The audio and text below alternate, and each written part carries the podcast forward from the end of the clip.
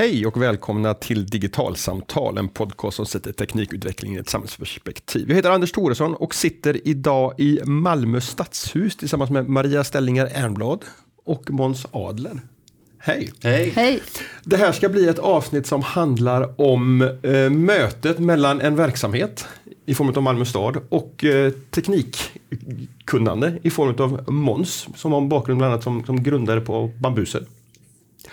Eh, Maria, kan du börja med att berätta, vem är du och, och varför har du eh, liksom, tagit initiativ? Varför driver Malmö stad det här? Ja. Jo, Maria Stellinger Armblad heter jag och jag är digitaliseringschef här i Malmö stad sedan ett och ett halvt år tillbaka. Eh, jag har en lång eh, bakgrund och karriär inom offentlig sektor, kommunal sektor. Jag har varit i mer än 20 år med olika typer av utvecklingsprojekt inom offentlig verksamhet. Jag eh, fick uppdraget här att se hur kan vi se till att vårt program här i Malmö stad som heter Det digitala Malmö blir verklighet. Och det handlar om att ta tillvara digitaliseringens möjligheter i, i eh, verksamheten helt enkelt. Och eh, ja, jag började med att titta runt vad händer i våra verksamheter, hur ser det ut, vad gör man? Ehm, och tog med mig mina tidigare erfarenheter där jag delvis har samverkat med näringslivet i just utvecklingsprojekt, framförallt inom IT och digitalisering. Men såg också att här måste vi ta ytterligare några kliv till. Vi är liksom fast i våra strukturer, i våra tankesätt, i våra Eh, ja, men hur vi alltid har gjort, hur vi alltid har jobbat. Eh, och i samband med det så kom det också en propå ifrån, eh, ifrån politikerna här i Malmö stad som sa att ja, vi borde släppa in den kraft och den eh, framåtanda som finns i, eh, i startup-scenen här i Malmö. Och någonstans där i de diskussionerna så föddes tanken kring det här att ja, men vi bjuder in ett gäng, vi anställer dem under drygt ett år och låter dem se, ja, men om de tittar på oss med färska ögon, vad behöver vi göra då? Och både komma med förslag och analys, men också faktiskt jobba konkret med våra verksamheter i några projekt för att visa att det går att göra förflyttning. Vi behöver vända en jättestor skuta. Vi är 26 000 anställda. Det kommer att ta tid, men det finns också saker som vi skulle kunna göra väldigt snabbt. Och då behöver man få se i verksamheterna, vad kan det vara? Och i det så gick vi faktiskt ut med ett traditionellt annonsförfarande. Okay. Eh, och eh, fick in oerhört mycket intressanta eh, personer som räckte upp handen och sa att här skulle vi vilja vara med i Malmö stad och göra detta. Och i slutändan så landade det att det kändes ganska naturligt att låta Måns leda det här teamet som nästan är på plats helt och hållet. Vi ska komma tillbaka till lite mm. konkret vad det handlar om. Men Måns, vad, vad, är det som lockar dig med det här, som, som har en lång bakgrund i, i startup-världen, att, att kliva in i offentlig sektor på det här sättet? Alltså det är nog lite olika delar, men, men som född och uppvuxen i Malmö så klart att det finns ett jätteengagemang för Malmö som stad. Liksom. Och sen föräldrar som alltid har varit engagerade både i elsektor och i politisk verksamhet. Liksom. Så jag har ju sprungit här inne som barnsben liksom en gång eh, och kanske haft mig ett tonårsuppror mot det för väldigt lång tid. Men nu känner jag väl att det är, liksom, det är rätt gött att ge tillbaka. Men det finns också en sån här det är ju här den stora utvecklingsförfarandet finns kvar. Och du, du sa att du hade varit i Lund och pratat om skolan. Jag ser ju skolan och offentlig sektor som någon av de två största områdena som är kvar för en rejäl omgörning av, av teknologi och digitalisering och effektivisering. Liksom. Så det, det här är hur mycket som helst att göra och det är skitpepp helt enkelt. Jag har under senaste året, ett och ett halvt, gjort ett antal intervjuer där, där det pratas om att det, det som ni gör här, att, att sammanföra en, en verksamhet som behöver effektiviseras, förändras, förbättras med de som kan tekniken. För att ni Maria vet vad, behöv, liksom, vad är uppdraget, vad behöver göras lite grann. Medan du Måns kommer in med liksom, en ny verktygslåda. Är, är det liksom det som, som ska bli liksom häxkitten här som, som får fart på saker och ting? Ja, jag skulle nog vilja säga att det är lite större än så. För det är, det är till och med så att vi kanske inte alltid ser vilka problem vi skulle kunna lösa med modern teknik. Så jag tycker det är bredare än så. Ibland vet vi ungefär vad det skaver. Men eh, jag vet inte vad det beror på om det är en, eh, också också en, en kultur som finns inom offentlig sektor. Rätt så mycket så knyter man även i, i fickan och jobbar på i alla fall. Fastän man tycker att ja, men det här borde gå att göra snabbare eller det borde göras på ett annat sätt i en annan process. Men det stannar ofta vid en kafferastdiskussion. Och det här blir en möjlighet att konkretisera det. Att låta någon komma in och, och säga, ja men hallå, ni skulle kunna göra på det här sättet. Så att ja, ibland är det ett konkret problem som behöver lösas, men många gånger så handlar det om att försöka hitta ett helt annat sätt att se på sin verksamhet. Och ett helt annat sätt att se på teknik. Digitalisering kan ju vara väldigt mycket olika saker. Eh, eh, finns det några avgränsningar här? Handlar det om era, eh, liksom, stadens interna processer? Handlar det om tjänster till medborgarna? Eller är det liksom så här, allt upp allt, i luften? Allt upp i luften, mm. faktiskt. Det, och det är så att det behövs överallt. Och eh, ni har fått mm, under de här månaderna utmejsla några saker som ni ser är viktigast. Och där är väl vissa interna processer, för där kan vi spara oerhört mycket tid. Mm. Eh, och sen är det ju också framförallt kommunikationen med medborgarna som ni har ringat in som det mest det viktigaste. Ja. Du säger ni här, för, för du har rekryterat ett ja. antal medarbetare. Du är inte ensam om att driva det här. Nej, precis. Vi, vi är, till att börja med så är det jag och en till som heter Timo som, som har huvudansvaret. Och sen så har vi folk in. Dels har vi en gäng studenter nu och vi har eh, någon från Arbetsförmedlingen men vi har också eh, lite frilansare som hjälper till här. Liksom de, lite mer för att specificera utifrån mm. vad vi tänkte att vi behövde. Vi var lite oroliga att gå in all in från början utan att riktigt veta vad som låg framför oss. Men nu ett par veckor in här så känner vi att vi börjar Så, så vad har du gjort det första du, liksom när du klev alltså, in genom? Här? Alltså det första har ju varit att klampa runt rejält inom de olika förvaltningarna och se vad som händer och vad man gör. Och sen försöka känna också av lite på organisationen vad den är kapabel till att göra. Och jag tror att i det, det första beslutet vi har tagit är att fokusera kring den digitala kommunikationen gentemot medborgaren. För att det är ändå där vi ligger innanför Stadskontoret här i Malmö under kommunikationsavdelningen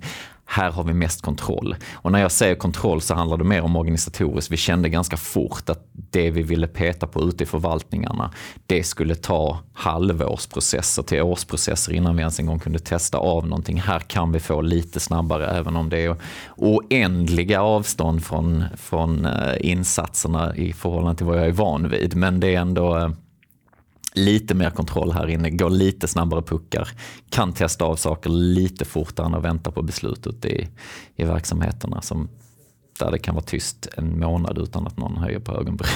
men, men, men är, är, det en av de största förändringarna som du upptäckt, liksom att, att, att ledtiderna att, att liksom bli, bli längre här, att det är längre cykler? Eller vad, vad...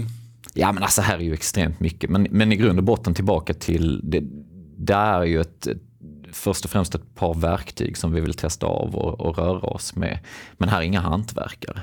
Så att det är fullständigt dött på den fronten. Det är, och, och folk som sitter då på de här mer strategiska platserna och de koordinerar bara. Man får ingenting gjort. Man hant fast går inte ut och testar eller gör eller skapar eller sådär.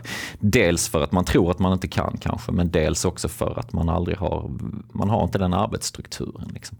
Um, och det tror jag är väldigt viktigt att förändra, för den, det är liksom, de här verktygen vi använder, det är vårt hantverk. Vi kan inte 2019 förvänta oss att du är ansvarig för HR eller kommunikation och knappt kan handskas med att skapa ett formulär eller ett Excel-ark. Alltså det håller inte längre enligt mig, i min mening. Va?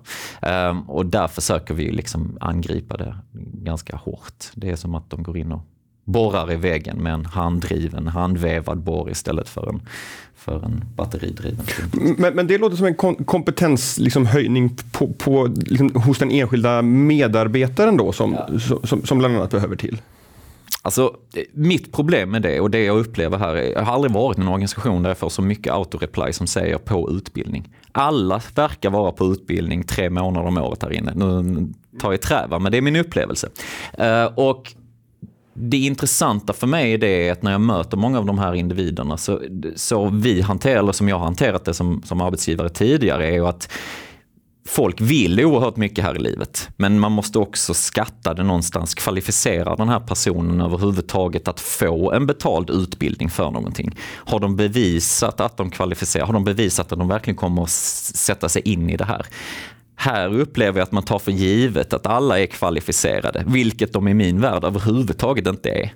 Och då blir det en fråga, är det vi som skattemedel som ska gå in och finansiera att få de här kvalificerade medan andra tar sitt studielån och konkar iväg två år på universitetet. Här kan jag känna att det är en mismatch många gånger. Att den kvalifikationen som måste göras om du är kapabel eller inte, delar av den investeringen måste hamna på privatpersonen och inte på organisationen. Så vi kan inte träna oss ur alla problem här inne i grund och botten så behöver vi fler hantverkare och det är nästan en helt annan individ, en helt annan personlighetstyp än de personlighetstyper som man sitter på. Och då måste jag ju få lov att, att liksom nyansera, nyansera Måns uttalande lite grann. Ehm, jag tror att du har helt rätt när det gäller just hur man ser på teknik och hur man arbetar med det. Men ehm, eh, när det gäller Alltså, jag tror vi har haft en tradition att dela på de här rollerna. Vi har haft de här IT-specialisterna som har suttit på IT och dit har man ringt och så har man liksom varit både fått hjälp och stöd och varit tacksam och glad för det, men också varit i händerna på dem vad det gäller. Hur, vad är det för program vi har skaffat, vad får man lov att göra med modern teknik och så vidare. Och där finns liksom ett, ett jag tror att det är det stora skiftet vi, vi behöver göra. Eh, mycket av den här kompetensutvecklingen du pratar om, den handlar ju inte om att man ska kunna lära sig att ta, sig, ta till sig tekniska verktyg, utan det kanske handlar om ny lagstiftning inom socialtjänsten och man ska, hur, vad får man lov att göra inom, inom, inom det gebitet. Där har vi oerhört välutbildad personal och som också tar sitt ansvar och lära sig saker. Men den här andra delen, det har man inte tradition att göra. Och då blir det liksom en, både en ledningsfråga, att vi chefer måste ställa de kraven på medarbetarna. Att ja, men du måste ta till dig detta. Och du behöver inte gå en kurs, utan du behöver fråga en kollega. Du måste lära dig genom att göra. Det här behöver du göra. Men det finns också att vi behöver ingjuta mod hos våra medarbetare. Att våga prova sig fram.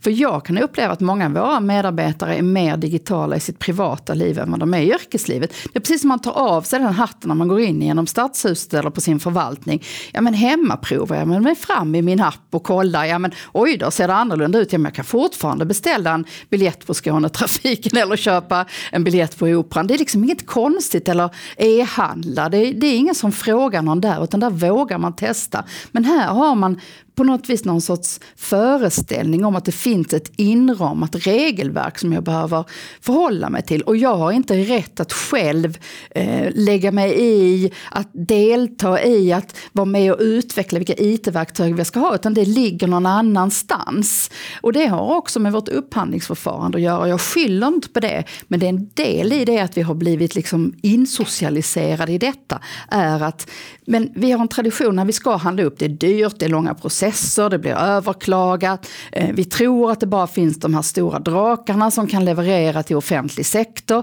Vi tittar inte utanför vår egen sektor vad som finns någon annanstans. Och när vi inte gör det, ja, men då hamnar vi i de här jätteupphandlingarna. Och då får man liksom känslan som medarbetare, men det där är jättekrångligt och det finns så mycket juridik i det. Och vad man får lov att göra och IT-säkerhet och GDPR och det ena. Och då skapar det liksom ytterligare spär på den här rädslan att vilja själv delta i teknikutvecklingen. Och det är en av sakerna vi vill bryta. Och det ser ju ni när ni är ute och ah, kan hitta ett enkelt snabbt verktyg. Va? Får man och kan man göra så? Och har vi verkligen den här möjligheten? Ja, men det, och, och, och i det här alltså, ska ju också nämnas liksom att mycket det vi har mött är ju den administrativa sidan medan de som är ute i verkligen jobbar med det riktiga hantverket, lärarna i äldrevården, SOS-tanterna och de andra, alltså de har ju en fantastisk kvalitet i det de gör och det ska vi inte förändra utan det är de där processerna runt omkring som vi kan hjälpa till med. Den här snabbheten, jag gjorde en intervju eh, i, i, i förra våren med en, en HR-chef i en stor liksom, traditionell organisation eh, som, som pratar om att, att HR har, har liksom släpat efter i digitaliseringen. Men, men, hon var inne på att man, vi kan inte längre tro att vi kan liksom ha ett projekt som ska producera en 400-sidig pdf och sen ska vi sjösätta den under en 18 månaders period. Utan vi måste jobba mycket snabbare, i kortare cykler, agilt och, och liksom allt vad det handlar om. Hur mycket av det Måns, som, som du ser att, att det offentliga Malmö jobbar på handlar om det här, att liksom få upp tempot och våga testa?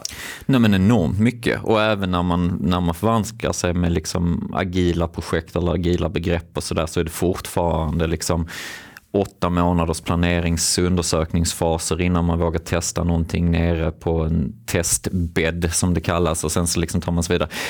Medans i min värld så är det in i ett möte, öppna datorn och googla sig fram, vad kan vi använda, testa av det på tio minuter och sen så se, ah, okej okay, vi testar detta också och detta också. Och sen så har man gjort det och så kan man gå ut i verksamheten timmen efter och ställa sig och scanna in någonting i ett kök eller något annat och se om det är det vi vill ha eller inte. Så det är en enorm förflyttning i mental totalt eh, hur vad, vad, testar vi av? Alltså, och även de här koncepten som Maria är inne på, liksom, rädslan över att göra fel i det som offentligt anställd.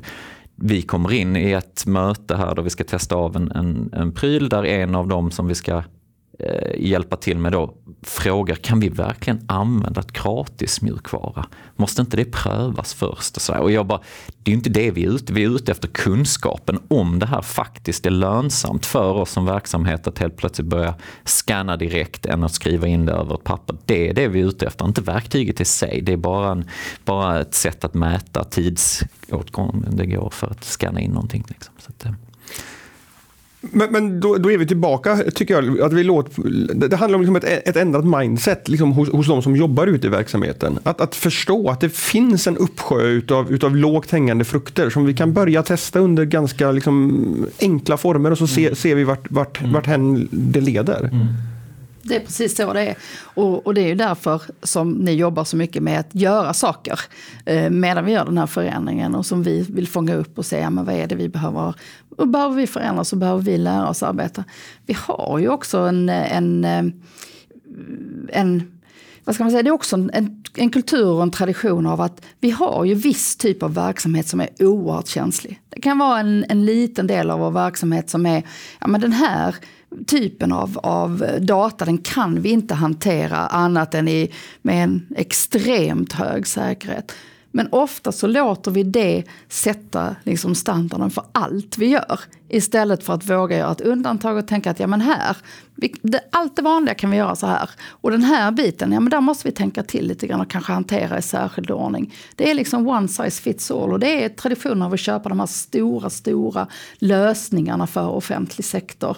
Um, sen skulle jag önska att vi mycket mer, jag, jag kan ju uppröras av hur lite vi gör nationellt i Sverige tillsammans. Både vad det gäller att förflytta lagstiftning, um, en del av den europeiska europeisk men vi kan påverka den. Ibland har vi hängslar och livrem på nationell nivå utifrån den eh, europeiska lagstiftning som, som vi har. Och sen har vi 290 kommuner som sitter och gör exakt mm. samma sak. Men som ändå bygger varsin e-tjänst och varsin, eh, varsitt system för det ena och det andra. Och det är, tycker jag, ganska katastrofalt. Därför jämför vi hade inte byggt ja, men varje kommun får bygga vägar som de vill och vill vi köra på höger eller vänster sida och vilken typ av likström eller växelström eller vad vi nu ska ha. Alltså infrastrukturen borde vi äga gemensamt. För det kommunala självstyret, som jag som har jobbat i kommunal verksamhet länge också tycker är viktigt att värna om. Det handlar ju inte om vilken e-tjänst vi använder. Därför det är samma lagstiftning i alla fall, när, om du ska söka bygglov eller vad du ska göra för någonting. Utan det handlar ju om ja, men hur mycket ska vi satsa på parkerna och ska vi vara privata eller offentlig äldreomsorg och vilken omfattning. Det är ju det kommunala självstyret. Men här har man på någonstans målat in sig i det här också tycker jag. Eh, och där jag skulle önska, jag har höga förväntningar på den nya myndigheten eftersom jag har förväntningar på myndigheter när det gäller den här DIG, DIG-myndigheten. Att den kommer att börja titta på detta. Vad är det vi behöver för något gemensamt? Och det ser vi ju på de länderna som springer om oss. De nordiska länderna, inte minst Finland. Men även Danmark och Norge. Att där har man tagit gemensamma nationella eh, liksom tag kring detta och sagt att men så här ska det vara, så här gör vi för det blir bra. Och då kan man ju också ställa krav när man ibland behöver göra större upphandlingar med vissa verktyg. På att det ska finnas eh, integrationsmöjligheter, att det ska finnas API och att det ska fungera på ett visst sätt. Eh, inte minst det som du pratar mycket om med användarvänligheten. är ju också lättare att ställa krav om man är en stor kravställare. Malmö stad är ganska stora men vi är inte jättestora på någon större marknad eh, när det gäller den typen av krav. Nej, alltså det har varit en jätteintressant resa. Jag ganska tidigt kom in liksom, så märker man ändå att här finns ju folk som har någon form av tekniskt kunnande ändå, även om de är instoppade i någon bunker någonstans som man knappt hittar dem och de knappt hittar ut till verksamheterna. Men, och, och här finns också pengar Alltså det är inte heller problemet om jag ska vara rätt ärlig. Men här är ingen förståelse för vad design innefattar och innebär för dig som slutanvändare. Både för de interna systemen men också för de som är slutanvändare. Och så plus det då så har man en övertro på att mjukvara är extremt billigt. Att, det, att man kan göra saker väldigt lätt. Eh, och det vet ju liksom jag med min erfarenhet att mjukvara kostar oerhört mycket pengar. Men fördelen är att det skalar oerhört väl. Och där hamnar det, kan jag ju uppleva i många situationer, att även i en kommun som Malmö stad som, som är stor, så har man ju inte en chans att finansiera upp någonting som blir bra på egen hand. Utan att man måste antingen titta på nationell nivå eller kanske EU-nivå för att hitta några områden där man verkligen kan bygga system själva. I övrigt så måste man liksom köpa in Eh, designade välfungerande lösningar från stora, stora företag runt om på, global nivå för att få det liksom att gå ihop. Och sen får man pyssla och pussla lite kring deras API och liksom lägga det pussel som, som kommunen behöver för sitt eget ändamål. Men allt för ofta hamnar man i små spelare som kommer in till underpris och så är det ett enormt överpris internt i organisationen där enorma summor pengar spenderas på i väntan på att alla IT-delar och allt ska komma på plats och sådär som inte kommer med i den offentliga upphandlingen. Så att liksom det externa priset på det man köper in är extremt låg men om man tittar på totalkostnaden så är den extremt hög, mycket högre det hade varit än att köpa ett bra, välfungerande, väldesignat system som hade haft ett högre pris på utsidan eh, men betydligt, betydligt lägre interna kostnader. Så det är många sådana tankar och idéer som uppstår när man, när man är runt om och, och tittar runt. Liksom. Hur mycket handlar det här om att, för, för du sa Maria, att, att man, man, har tidigare vänt sig till en IT-avdelning och velat ha hjälp därifrån. Hur mycket, mycket handlar det här om att en, en bild av att digitalisering fortfarande handlar om en router och en ny dator och sådär och, och, och, och, mindre om det här processer och möjligheten att, att faktiskt vara en verksamhetsförändring? Jo, det ligger jättemycket i det. Eh, och det, det, har med det här att göra med det modet som jag pratade om. Vågar man? Eh, kan man se digitalisering som den del av verksamhetsutvecklingen som det faktiskt är? Eh, men sen kan det också bli besvärligt. Därför att ibland när man har försökt i vissa verksamheter så ser man ju att ska vi kunna dra nytta av de här digitala verktygen, ja men då måste vi tänka om.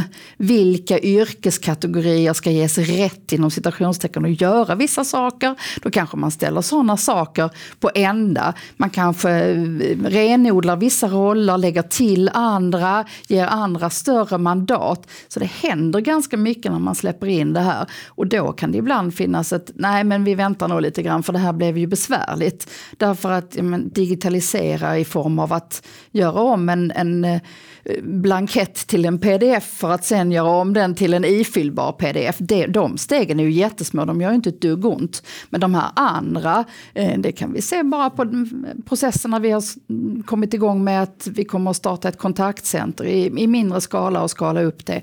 Ja, men när man centraliserar processerna för att det är bättre för medborgarna att vissa saker är bättre att skära på ett annat sätt och att man får svar på ett ställe. Men det gör ju någonting med de invanda strukturerna vi har. Så att, eh, så att ja, man kanske inte ser det men ibland när man ser det så kanske man också håller lite grann emot för det kräver ganska mycket. Och om igen, lite respekt får man också ha att vissa av de här stora skutorna att ställa om, det är ingenting man kan göra och, och, testa, utan då måste man våga testa i mindre skala och se, är detta någonting vi ska skala upp? Och det har vi kanske inte alltid vana vid att göra. Att låta en mindre grupp gå före och sen göra kanske de här mer utredningarna och se vad får det för konsekvenser, hur måste vi organisera oss nu då? Man börjar ju oftast i den ändan och då blir det väldigt långsamt och tungrot, för man vet inte riktigt vad det är man styr mot som är det nya. Men genom att införa det någonstans i mindre skala och testa, men vad händer om vi skannar de här dokumenten dokumenten, är det vettigt eller inte? Då, då blir det ju en vettig process kring att diskutera utveckling. Så det här med att vi behöver testa oss fram och bli mer, mer agila men också våga, våga utmana våra egna strukturer och det är inte lätt. Nej. Ni sa att ett, ett område som ni har identifierat att ni kommer börja med det är den digitala kommunikationen med, med medborgarna. Varför det och på vilket sätt ser ni att det finns saker att göra där? Nej, men alltså, som jag var inne på tidigare, för mig var det ett sätt att avgränsa det vi faktiskt har kontroll över inom vår räckhåll. Um, ger vi oss ut i de andra förvaltningarna så börjar vi bli beroende av för många personer som inte har kontroll över. Jag ska bara vara så tydlig. Va? Um, men också för att det fanns vissa rörelser då internt som, som gjorde, vi har det här kontaktcentret som är en stor centralisering av eh, vägen in för medborgaren i Malmö stad. Och i den så ligger det liksom ett klart digitaliseringsspår. Sen är det ju helt väsensfrämmande för mig att när man gör den här utredningen 2014 så är det planerat lansering 1 april 2019. Utan att man för den delen ens en gång idag i dagsläget i princip har någonting mjukvarumässigt uppe och kör. alltså det är en helt världsfrämmande, istället för att gå ut och börja redan testa nu att någon förvaltning kan börja testa olika verktyg och se vad vi behöver och hur vi ska strukturera det här så har man liksom tänkt ut allting och nu på tre månader så ska allt hända. Och jag är helt, jag är helt skärrad. Alltså jag, jag, jag sitter ju bara och ser hur det här kommer att slå bakut och hade vi gjort så här mot eh, de bolag som jag har jobbat med tidigare i Astor, där, de hade ju aldrig accepterat att inte någonting är kodfruset för länge sedan, upp och kör, att alla deras personal har testat det, alla vägar ute och söker buggar för fullt nu och så vidare. Och så vidare. Det, det ligger längre fram, det är bara sådär. Och jag tror att ja, alltså anledningen, alltså vissa av de anledningarna till att man har de här processerna är för att det ser lite annorlunda. Det är inte samma kniven på strupen för dig som enskild individ i, ett, i en sån här organisation utan um, det blir lätt en, en inbördes um, inte inbördes förundrad, men man håller varandra om ryggen just som Maria. Alltså vissa saker, så, framförallt på de här administrativa sidorna här, är det jättemycket effektivisering som kommer att ske. Och som om jag hade angripit det, hade jag fått uppdrag att göra en specifik uppgift här inne med, med ett utvecklingsteam så hade jag angripit den väldigt annorlunda än vad man gör idag. Om en arkitekt ska sitta och stämpla igenom att jag ska bygga om där hemma, ja, det kan mjukvara också göra.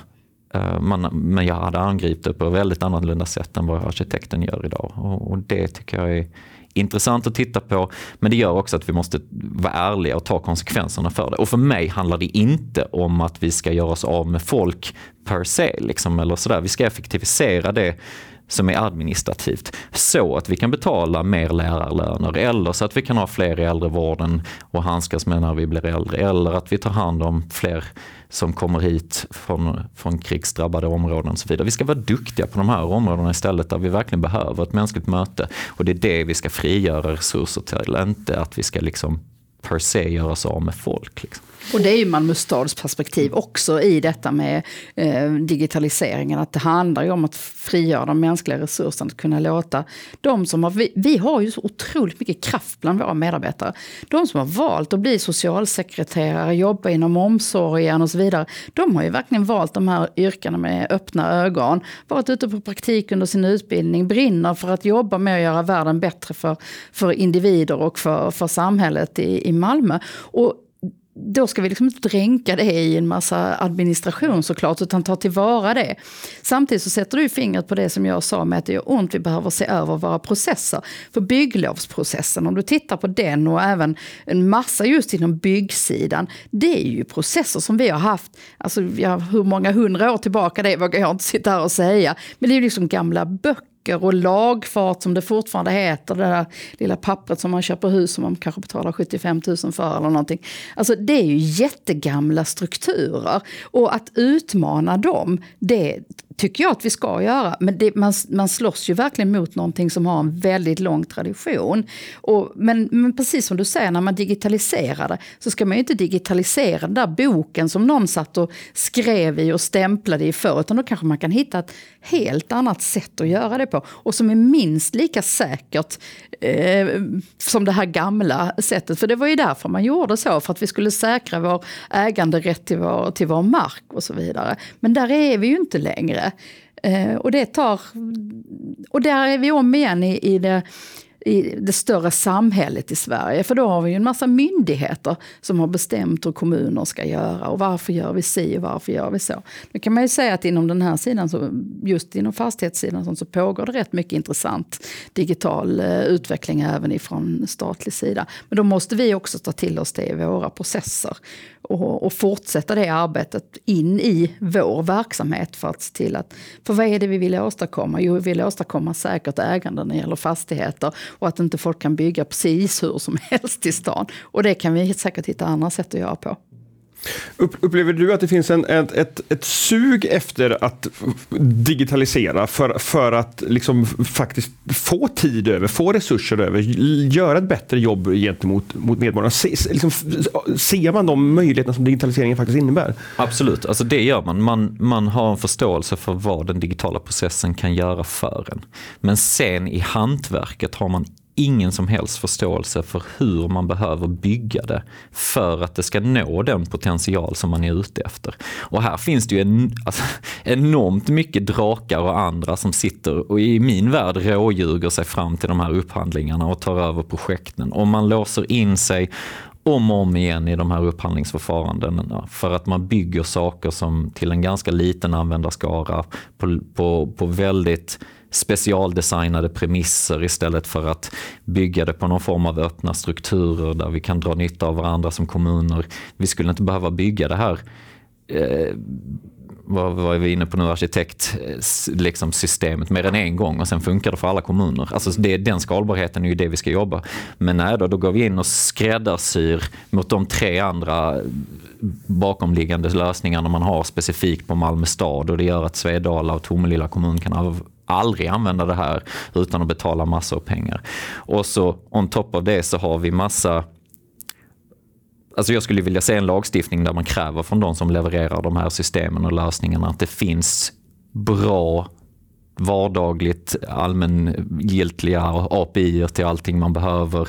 Att det finns bra funktioner, alltså system för single sign-on eller liknande. Att vi har eh, ganska öppna och, och lättanvändliga liksom förfarande för att sätta olika regler i de här systemen så att om vi har någon specialfall för Malmö stad så kan vi enkelt som administratör gå in och fixa det.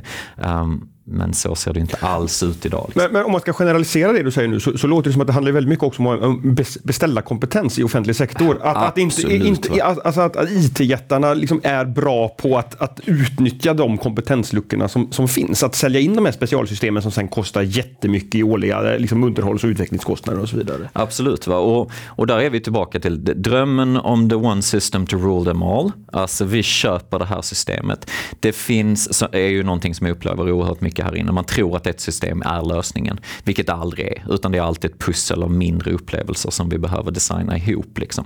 Det andra steget är att det finns en enorm vad ska man säga, firande. Alltså målsättningen känner jag hos individer här inne eller organisationen är att göra en upphandling. Sen är det klart. Alltså när upphandlingen har gått i mål så är man klar. Hands off, celebrate liksom. Medan i min värld, man har inte börjat arbetet ens en gång. Dessutom då in, alltså i det här upphandlingsförfarandet så tittar man ju bara på features. Alltså det är en teknisk feature-specifikation i de jag har sett. Och ibland några krampaktiga fall om desto färre klick, desto högre högre poäng får man i de här upphandlingsförfarandena. Vilket gör att man får användargränssnitt som har knappar till allt och bara överöser en med information, vilket inte heller är väldesignat. Så man spesar liksom inga UX-krav?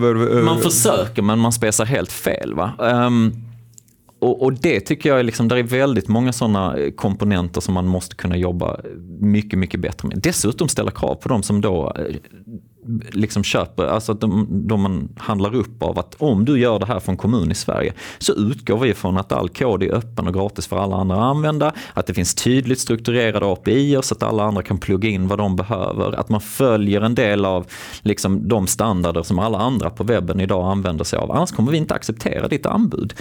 Nu sitter man i flera lägen där man har eh, massa system som man har köpt upp som i min värld man nästan borde liksom monopol pröva för att de suger åt sig dator, data från kommunen som i princip, alltså i, i Visst, du kan få en, en datafilsdump liksom, men, men i praktiken så är det helt inlåst, vilket gör att vi kan inte, och, och, då är det liksom antingen så stänger vi systemet och hoppar, vilket är livsfarligt för en skola eller något annat i en stor kommun, men det går inte.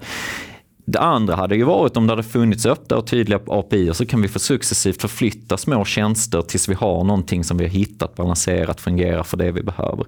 Men här hamnar man liksom i, i händerna på de här drakarna och man kan inte komma ut i princip. Och det tycker jag är intressant och borde prövas. Att man borde kunna kravspesa vissa, vissa regler kring öppen källkod, kring API eh, som, som gör att vi ska kunna förflytta oss och testa av andra lösningar. För, för ur ett resursperspektiv och, och liksom ett, ett kunna röra sig framåt-perspektiv och alla tänkbara perspektiv. Så det du pratar om nu låter ju egentligen som, som en självklarhet kan man tycka från det offentliga att faktiskt ha som Precis, krav. Och, och, och de, de, privata aktörerna här, de förstår ju att de kan spela på den okunskap som finns. Alltså det är jag helt övertygad om att de sitter. Uh, vi var i kontakt med ett skolsystem, de bara, ja det här begreppet API har vi hört om, men det är ingenting vi har i planen. Liksom. Och då är det ett system som mer än hälften av Sveriges kommuner använder. Alltså jag blev ju, det ryser ju till liksom i, i kropp och själ och att, att inte någon på uppköparsidan tidigare eller inom kommunen har sagt ifrån att det här är inte okej. Okay. Och att man på nationellt plan, alltså vi måste förlora så enorma summor med skattemedel till de här eh, lösningarna som, som Ja, för det intressanta är ju liksom det här att vi, vi är 290 kommuner som, som alla sitter och gör, liksom gör, gör de här felen. Precis, va? Mm. och, och det, det som är ännu mer chockerande för mig, i de här 290 kommunerna så skulle jag vilja säga att 95 procent av alla uppdragen vi gör, allting vi gör, skulle vi kunna lösa ganska bra med en ordbehandlare, ett Excel-ark och eh, några formulär lösningar och, och så lite, lite duktiga folk som kan pipa data däremellan så har vi liksom det vi behöver. Det, det är inga det är ingen liksom rocket science. Vi sitter ju liksom inte och utvecklar eh, computer vision liksom för att lära och, och, och, känna igen vad vi ser på olika bilder. Eller, alltså vi har, ingen, vi har liksom inga tungrudda tekniska lösningar som, som vi behöver göra. Det står andra för. Utan det är liksom mångt och mycket bara pipa lite data hit och dit från text och siffror. Jag tror jag kommer liksom tillbaka till att man måste liksom någonstans titta på varifrån är vi sprungna? Hur har våra processer sett ut? Och vi har haft enorma krav på oss när det gäller att just säkra integritet och annat. Och jag vet att det inte har full bäring på det. Men det har liksom varit en väldigt så här rigid eh, syn på hur ska en kommun eller en offentlig organisation använda IT-stöd. Och sen har vi inte hunnit med i det där att rekrytera rätt typ av personal, att utmana detta. Eh, och någonstans så eh, så ligger det väl någonting i att ungefär 90 procent av alla kommuner använder de här skolsystemen. Och det är ju det vi vill utmana med att börja titta på, men kan vi göra detta på ett annat sätt? Måste vi vara, eh, måste, alltså jag tror vi har tänkt inköp mycket mer än kravställare. Vi har liksom nästan i princip många gånger tittat på, ja men hur ser systemen ut där ute? Vad kan ett skolsystem göra? Och sen så har man liksom skrivit ner så mycket krav som möjligt utifrån det man känner till. Man har liksom inte funderat kring ja, men vad skulle vi vilja att system kan göra. Då? Vad skulle vi vilja, hur vill vi arbeta? Ja, och där är ju det att det är ganska långt ifrån verksamhetsmänniskor, till ledning, till IT som då tidigare har varit oerhört isolerat i sin egen bubbla och varit liksom lite mystifierat för alla andra. Och har du vattentäta skott däremellan, ja men då, då sker ju inte den här eh, kravet utan då är det på kafferasten som man sitter inom hemtjänsten och säger men tänk om vi hade kunnat göra detta på plats istället för att cykla tillbaka och logga in på ett jättekomplicerat system och skriva om våra, våra brukare. Men ett är ett systemskifte på gång, ett annat tänk. Och jag känner, tycker att anledningen till att vi har tagit in här, och jag måste säga att jag tycker många här i ledningen i, i Malmö stad visar ett enormt mod när du kommer och utmanar. Att man faktiskt, jaha, oj då, Alltså man går sällan i försvarsställning. Däremot så kanske man inte än äger kraften överallt till att göra, ta nästa steg. Men det är kanske mycket begärt efter ett par månader också. Men jag tycker att det finns en enorm öppenhet till att lyssna, att se och förstå att nej men oj då, så här kan vi ju inte ha det. Nu behöver vi faktiskt göra någonting annat. Ehm, så jag hoppas på att det här kan vara gnistan som tänder att vi hittar andra processer, andra sätt att arbeta. Och det, för det är som du säger, det är helt annorlunda jämfört med hur vi arbetar idag. Du hade ett resonemang hemma som, som påminner mig om en eh, artikel som jag skrev i Ny Teknik för fem år sedan kanske. Mm. Där, jag gjorde intervjuer med ett antal eh, teknikchefer på nystartade startups och pratade om liksom förutsättningarna att starta en startup då för ja, 2010 13 typ. Och om man backar ytterligare fem år, när man för tio år sedan så behövde man göra ganska stora egna investeringar i, i egna servrar, i egen, massa licenser och så vidare. Medan, medan då så hade utvecklingen kommit så långt att ja, men, okay, du använder den molntjänsten för det här och sen så köper du beräkningskapacitet på kran där och så vidare. Eh, skulle offentlig sektor kunna liksom bli bättre på att utnyttja liksom det här, den här infrastrukturplattformarna liksom som, som faktiskt finns istället för att investera jättemycket i, i infrastruktur? Absolut. va. Alltså e- e- enorma summor och jag förstår ju fortfarande inte liksom att, att Malmö stad har egna servrar och folk som drar fiberkablar däremellan. Men det har vi. Vi har anställt folk för att göra det och jag förstår inte överhuvudtaget hur man kan motivera och tro att man ska kunna konkurrera det. Om man försöker schablonmässigt komma undan genom att man har olika data acts som nu är svårt att hantera sådär, vilket bara bullshit i min värld. Alltså, det är klart att Google och Amazon och de hanterar det tio gånger snabbare, hundra gånger säkrare och mycket, mycket bättre och mer upptid och effektivare än vad vi någonsin kunna, kunna göra som en kommun. Så det är, det är inte en chans i världen att vi ska försöka göra det på Men där är hand. också den nationella utmaningen, för där har ju vi börjat gå över mer till måltjänster i, i Malmö stad, en av de kommunerna som har vågat göra det, medan andra du vet har bara fullständigt dragit åt. Stockholms stad nu som inte ens kan använda sin egen skolplattform fullt ut för att man säger att nej, men vi vågar inte ha saker i molntjänster. Samma sak med Göteborg som drog i handbromsen med att ens kunna använda eh, Office 365. Och när man då tittar på statliga utredningar så är det ju lite dubbelt. Först har man sagt att det kanske var okej okay och sen så blir man mer tveksam. Vi har ju också en ganska jobbig värld att förhålla oss till. Men vilka investeringar ska vi göra? Hur snabbt ska vi våga gå? Hur ska det se ut? Och jag delar ju din uppfattning att ja, men klara stora företag gör vi säkert också där. Och vi kan också ställa krav. Och det finns ju också länder där man har helt och hållet gått över till, eh, till eh, molntjänster som man anser är säkra och som är under samma europeiska lagstiftning som vi. Så här är också en, en ganska tuff, eh, eh vad ska man säga, guidelines för oss i, i kommunerna. Hur ska vi bete oss? Vad är okej okay att göra? Vad är inte okej okay att göra? Och det kan bli ganska kostsamt för oss om vi liksom går åt ett håll och sen helt plötsligt så måste vi gå åt nästa. Så jag skulle önska lite... Men är det här du, de här förhoppningarna som du uttrycker mm. på, på DIGG kommer in då? Att, att någon ja. som faktiskt talar om det här ja. är, det här är okej okay ja. som kommun att göra? Mm. Precis. Mm. Måns, tanken är att du ska vara här ett år. Mm. Uh, vi får kanske se om vi kan komma tillbaka hit uh, om ett halvår uh, och, och, göra en, en, ett nytt avsnitt och höra vad, vad som har hänt helt mm. enkelt. Absolut. Men tills dess så stort tack Måns och Maria för att ni vill vara med i Digitalsamtal. Tack själv. Tack själv. Och till er som lyssnat, hoppas att ni gillade det här samtalet. Vi hörs igen om en vecka på ett eller annat då. Hej så länge.